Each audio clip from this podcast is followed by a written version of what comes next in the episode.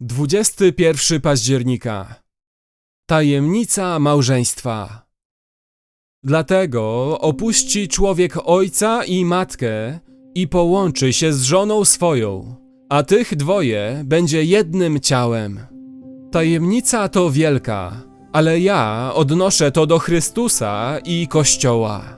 List do Efezjan 5, 31 i 32. Tutaj w Efezjan 5:31 Paweł cytuje Księgę Rodzaju 2:24, gdzie Mojżesz mówi, a Jezus powiedział, że Bóg mówił przez Mojżesza, Mateusza 19:5 Opuści mąż ojca swego i matkę swoją i złączy się z żoną swoją i staną się jednym ciałem. Paweł powiedział, że to Słowo Boże, wypowiedziane przed upadkiem w grzech, jest odniesieniem do Chrystusa i Kościoła, a zatem zawiera wielką tajemnicę. To oznacza, że gdy Bóg podjął się stworzenia mężczyzny i kobiety i ustanowił związek małżeński, to nie rzucał kostką, nie wyciągał słomek ani nie rzucał monetą, zastanawiając się, w jaki sposób mają być ze sobą związani. Stworzył małżeństwo konkretnie na wzór relacji pomiędzy jego synem a kościołem, relacji, którą planował od wieczności.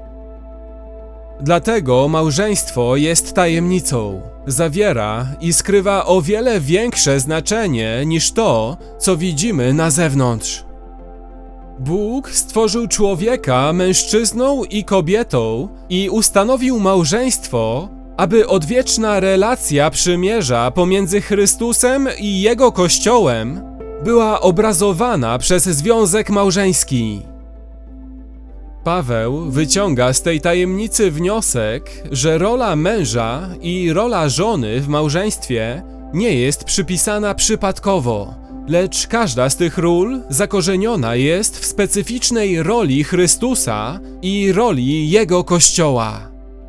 My, którzy jesteśmy w związku małżeńskim, musimy wciąż na nowo rozmyślać, jak tajemniczym i cudownym jest to, że Bóg udziela nam w małżeństwie przywileju obrazowania niesłychanych Bożych rzeczywistości, nieskończenie większych i wspanialszych niż my sami.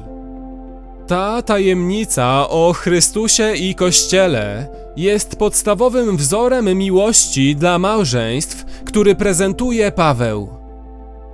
Nie jest wystarczającym powiedzieć, że każdy z małżonków powinien dążyć do własnej radości w radości drugiego. To jest prawda. Ale to nie wystarczy.